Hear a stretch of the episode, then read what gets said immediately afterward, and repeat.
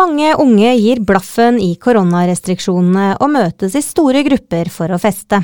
I august holdt det på å gå skikkelig gærent da en fest i en grotte i Oslo ble forvandlet til en potensiell dødsfelle pga. kullos. I varetekt, en podkast om politi og politikk av Politiets Fellesforbund. Du har pliktig til å oppgi navn, fødselsdato, fødselsår, stilling, bopel og deg.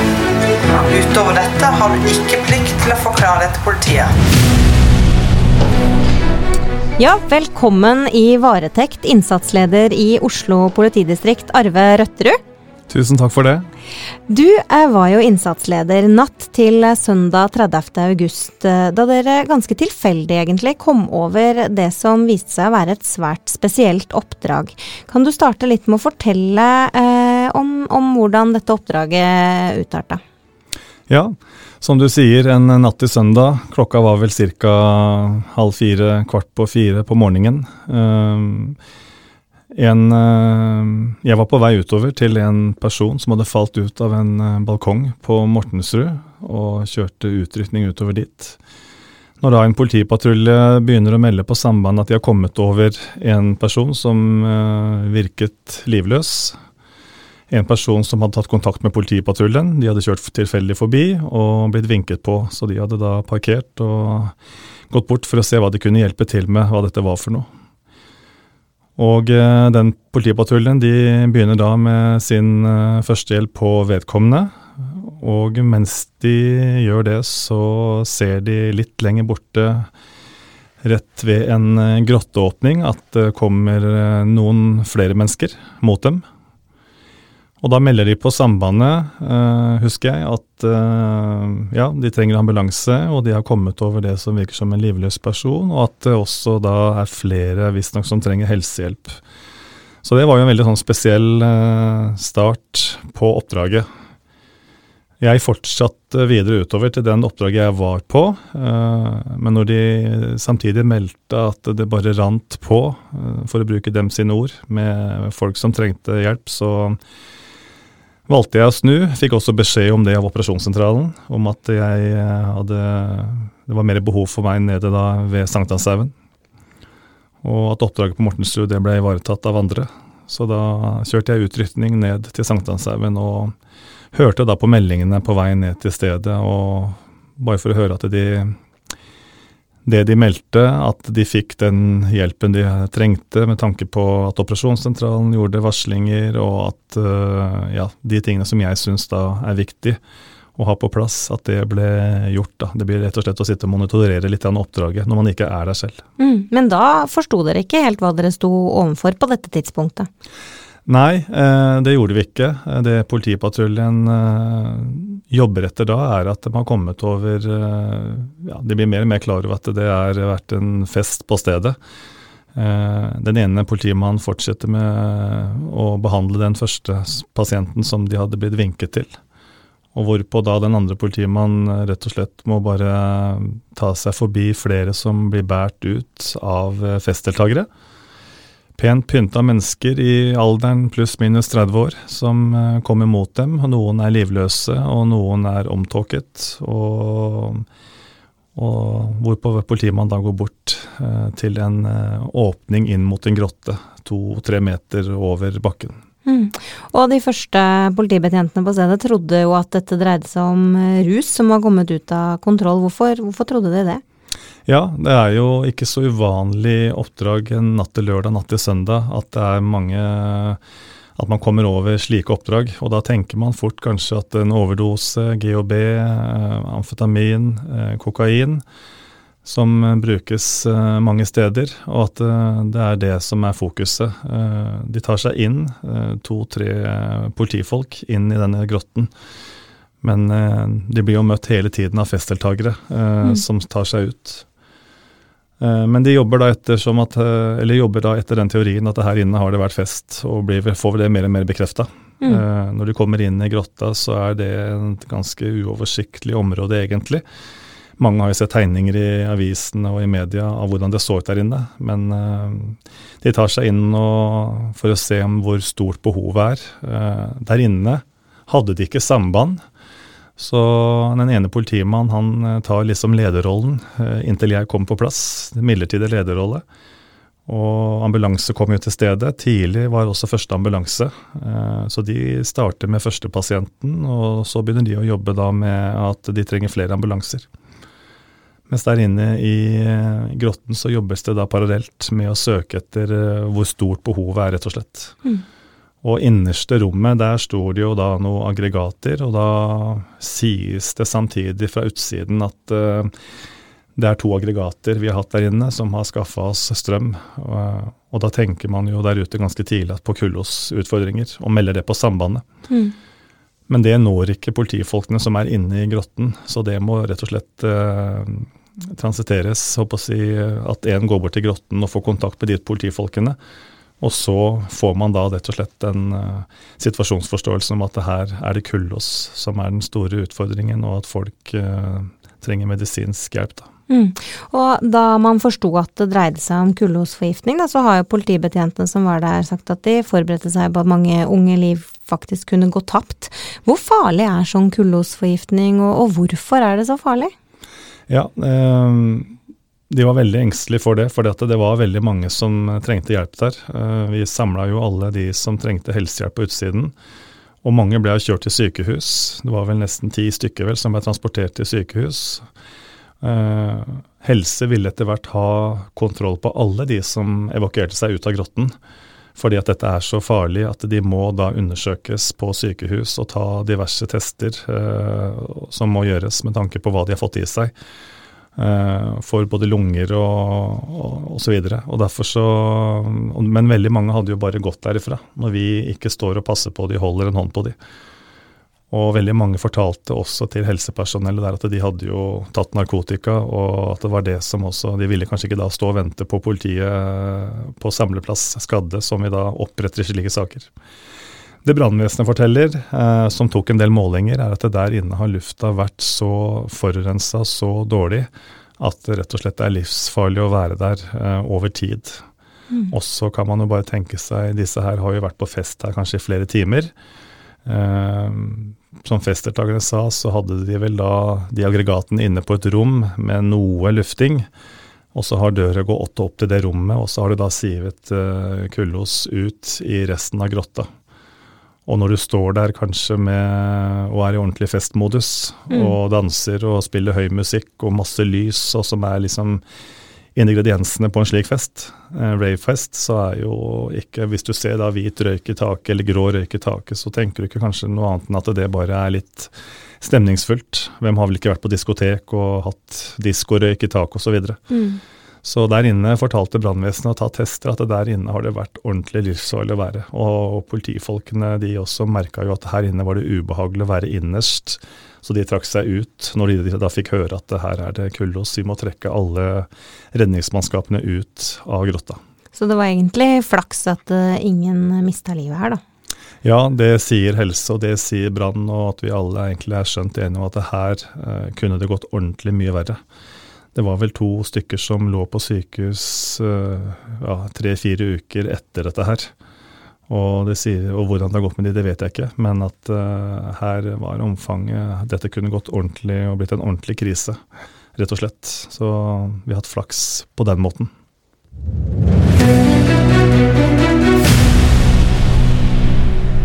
Så har du jo snakket om at uh, flere av politibetjentene gikk inn i grotta før, de, før dere visste at det var kullosforgiftning det var snakk om eh, her. Og det kunne jo vært eh, potensielt ganske farlig også for de.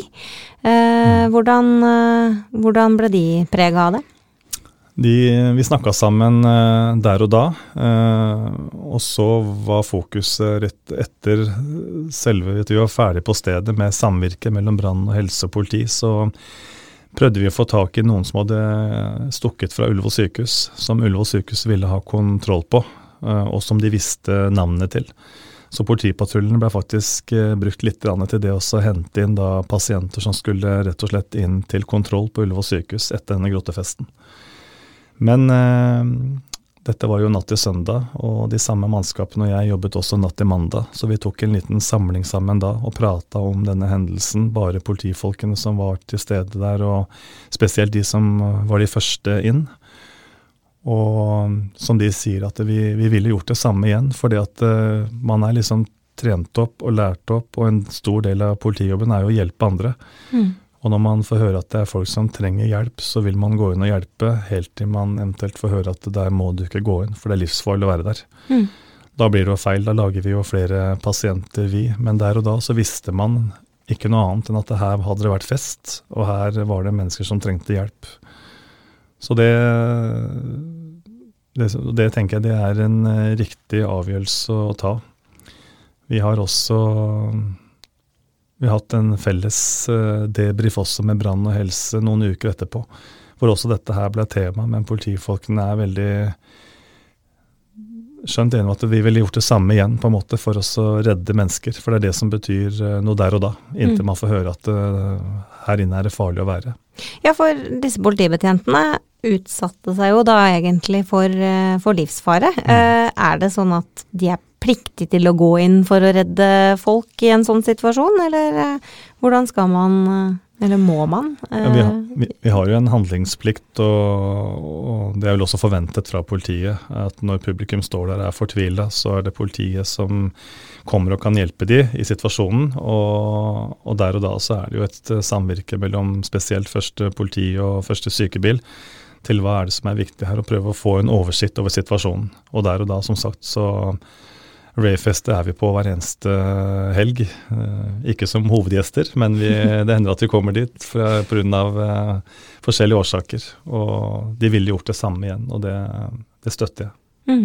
Men uh, to av politibetjentene havna jo også på sykehuset?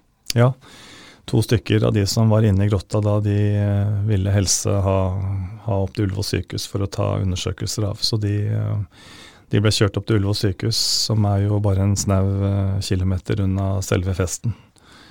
Det kan man jo også gjøre seg noen tanker om, at uh, landets eksperter er uh, ca. under en kilometer unna. Mm. Når folk uh, er så dårlige. Hvis dette hadde vært et helt annet sted og i et mye mer et område som hadde vært mye lenger unna sykehus, hvordan hadde det sett ut da? Så, men nei, da to politifolk ble tatt med opp til Ullevål sykehus. Og de, eh, de har det bra i dag. Ja. I varetekt.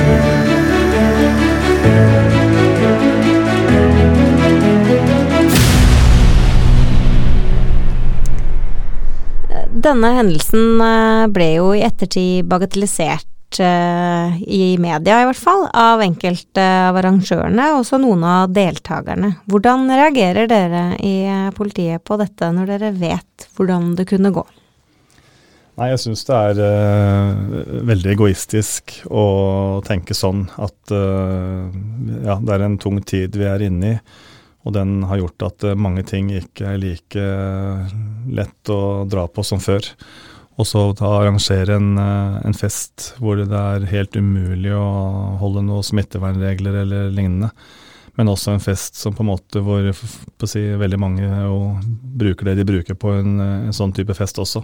Mm. Så å si at uh, jeg hørte noen uttalelser i dagene etter hvor jeg tenker at det, her, det, her, kunne det gått ordentlig ille. Og så står man og blir intervjua i avisene eller på nettaviser og, om at man ville gjort det samme igjen. Det syns jeg er en uh, særdeles egoistisk uh, tanke. Ja, for det var vel en som i hvert fall sa at uh, de var så lei koronapandemien, mm. mm. og de måtte få lov til å ha steder hvor de kunne samles og ta illegale rusmidler. Mm. Mm. Nei da, det det syns jeg er helt eh, galskap å høre på, at man uh, tar sånne vurderinger. Dette er jo, ja, Covid-tiden har vært uh, vanskelig og utfordrende for oss fra og med mars måned. Og vi får ikke gjort det som uh, vi gjorde før. Helt til vi kommer inn i en litt bedre tid og vaksinen er på plass osv. Og, så og da må vi alle sammen hjelpe til. Mm. Som Bent Høie sier, at dette er jo en dugnadsjobb. Og de fleste bryr seg jo, men det er jo noen som da ikke bryr seg. Og dette her blir jo ja, og når man også ser uh, konsekvensene av den festen som på en måte uh, Hvor mange som kunne Når eksperter går ut og forteller hvor mange som faktisk At dette kunne gått mye, mye verre, da. Mm. Så blir det jo veldig tankeløst også å si at det, man ville gjort det igjen, og vi har det så vanskelig pga. covid.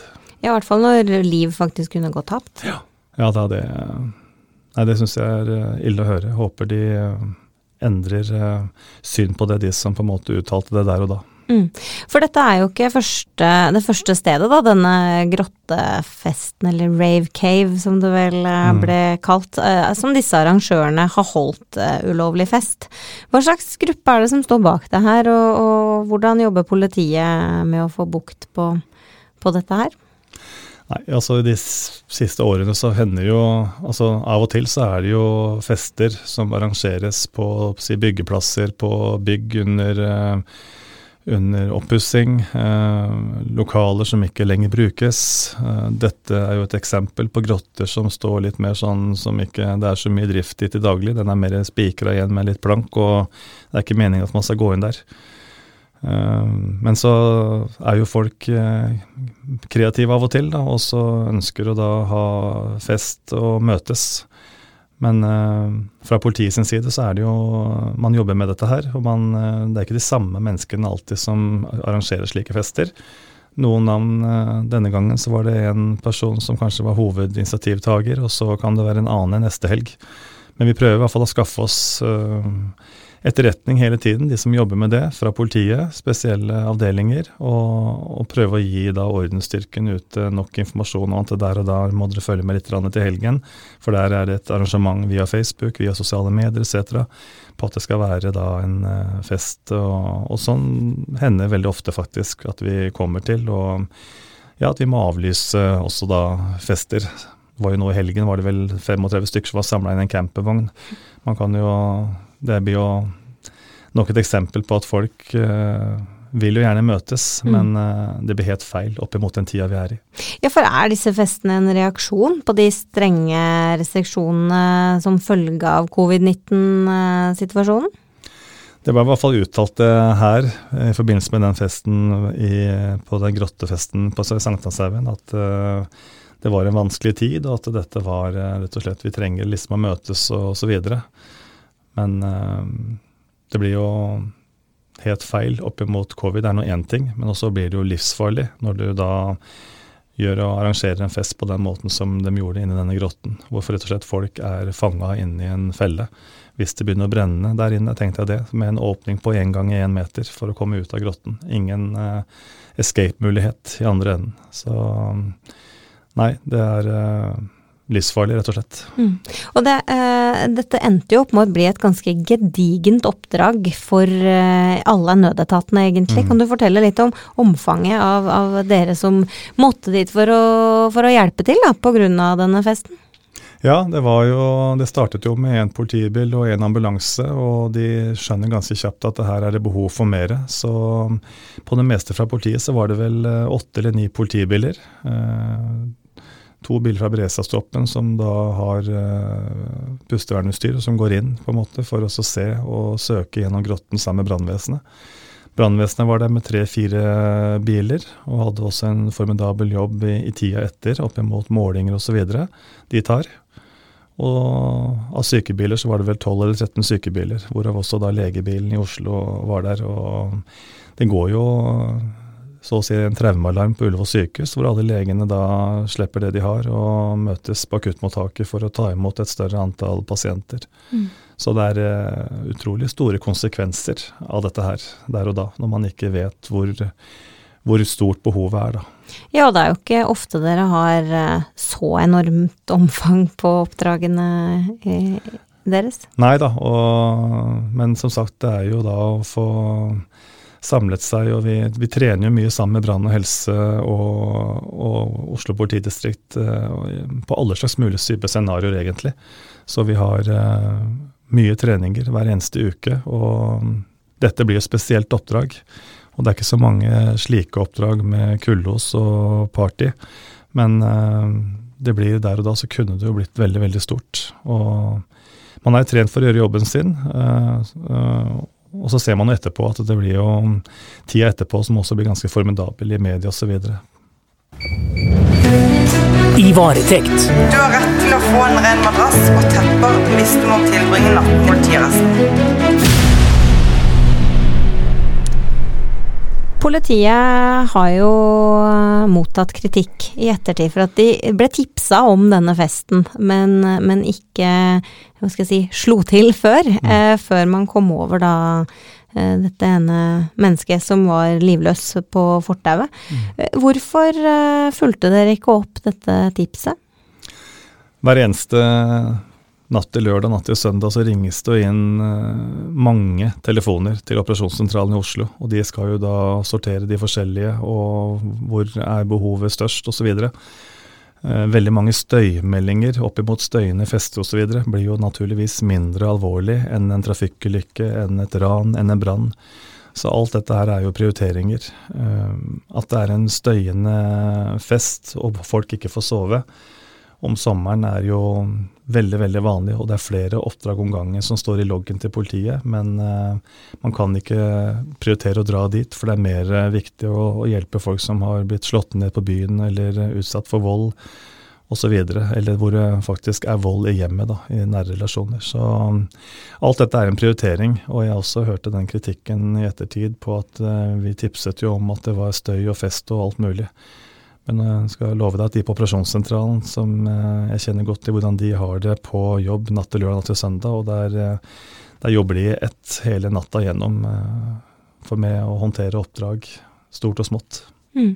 Og nå i den situasjonen vi står i, så får dere vel kanskje ekstra mange meldinger også om privatfester som ja, tar litt av, da.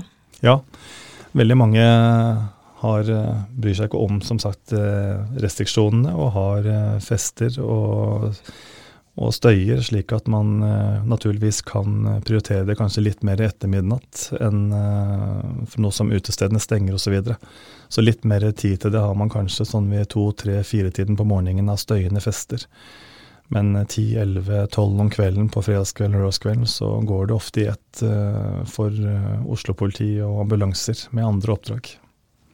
Men um, du sier jo at etter klokka tolv, da, pga. skjenkestoppen mm. i, i, Oslo, rett og slett, så mm. har jo ting endra seg litt for eh, dere som jobber eh, mm. ute på gata, og da kanskje særlig natt til lørdag, natt til søndag. Hvordan preger det politiets uh, hverdag? Nei, det, iallfall de gangene jeg har jobbet helger nå og nattevakter, så, så merker jeg veldig ofte at det det er litt stillere i byen fra klokka halv ett-ett, når de siste på en måte har gått hjem. Uh, Pga. skjenkestoppet klokka tolv. Uh, I vanlige tider så stenges jo med skjenkestoppen klokka tre og, og, halv fire når steden, utestedene stenger. Så, jo, så holder folk på i byen til fem-seks om morgenen. Og det er litt mer Det ser man nesten ikke lenger nå. Folk kommer seg hjem sånn i halv ett-ett-tida. Ja og gjør at uh, oppdragene stopper litt opp for Oslo-politiet da, med tanke på uteliv i hvert fall. Uh, og så er det heller andre typer oppdrag som vi ser uh, tar over, da. Mm, hva slags oppdrag da? Nei, Det er jo litt opp imot det som skjer hjemme. vold i hjemmet. Og ungdomsgjenger kanskje som driver med andre ting. og ja, annen type kriminalitet. Men sånn uteliv og sånt nå, så er det en veldig forandring og det å jobbe ute nå enn, en når det er vanlig tid og utelivet stenger mye seinere. Så, mm.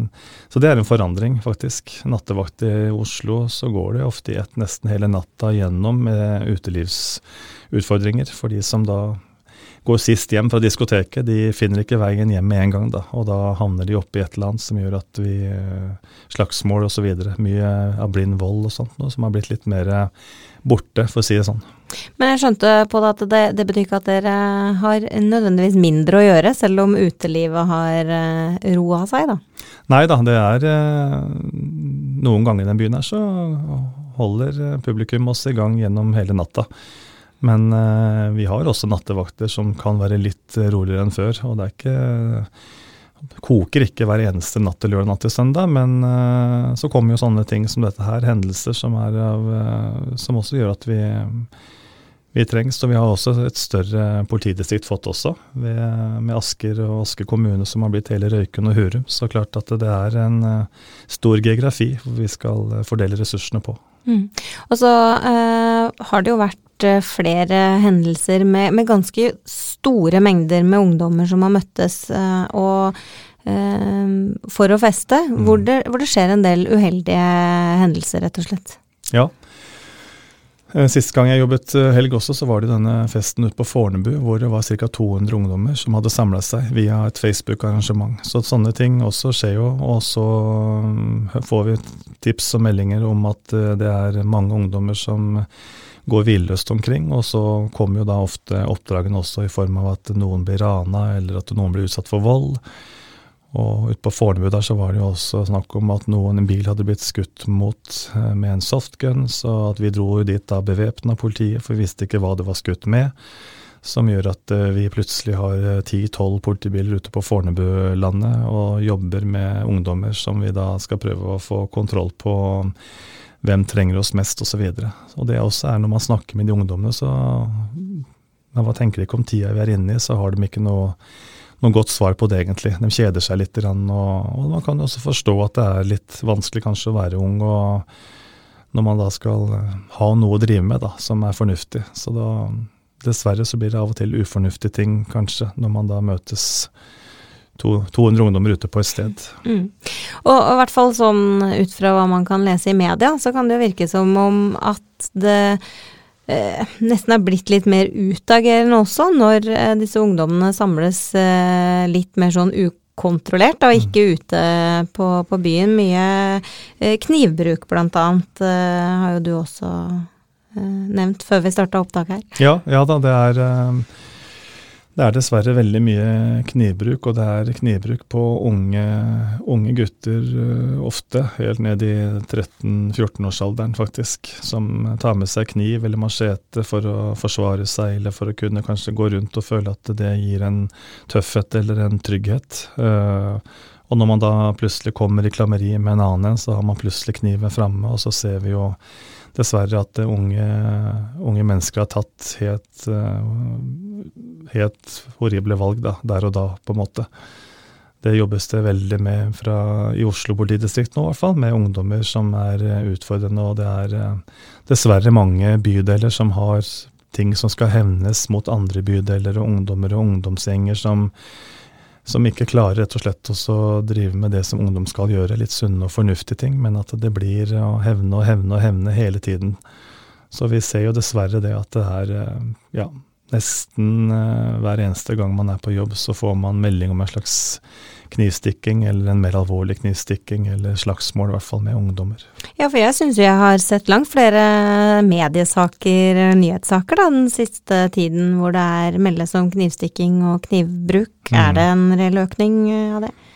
Ja, nå har ikke jeg tall på det, men i hvert fall føles det sånn at nesten hver eneste vakt så er det én eller flere knivstikkinger eller oppdrag som er uh, i den uh, leiren. da. Så det er, det er, veldig mye av det, og det er altfor mye av det. Og dette skal ikke unge gutter på 13-14-15 år gå rundt og drive med. Ingen skal drive med det, men i hvert fall ikke unge, små barn på en måte som føler trygghet i dette her. Så det er dessverre mange sånne triste episoder man kommer borti. Mm. Og det er vanskelig å prøve å snakke med dem for å få det til å drive med andre ting òg, som er uh, sunne og fornuftige ting som ungdom og barn skal drive med. Men de føler at det er så viktig å hevne og være med i denne gjengen som gir dem trygghet. og så Seinest her, var ikke så lenge siden, på Bogerud, så er det jo da unge, unge gutter som på en måte bruke kniv mot en annen enn i ansiktet. Mm. Så er det jo disse ansamlingene da, og, og festene eh, som eh, dere ser, eh, ser, mye av i privat regi. Eh, nå, eh, nå, er det jo denne grottefesten som vi primært snakker om, en ganske spesiell, eh, spesielt festarrangement. Men frykter dere i politiet at det skal arrangeres flere sånne livsfarlige fester eh, fremover, eller, eh, eller store ansamlinger mm. med unge, da?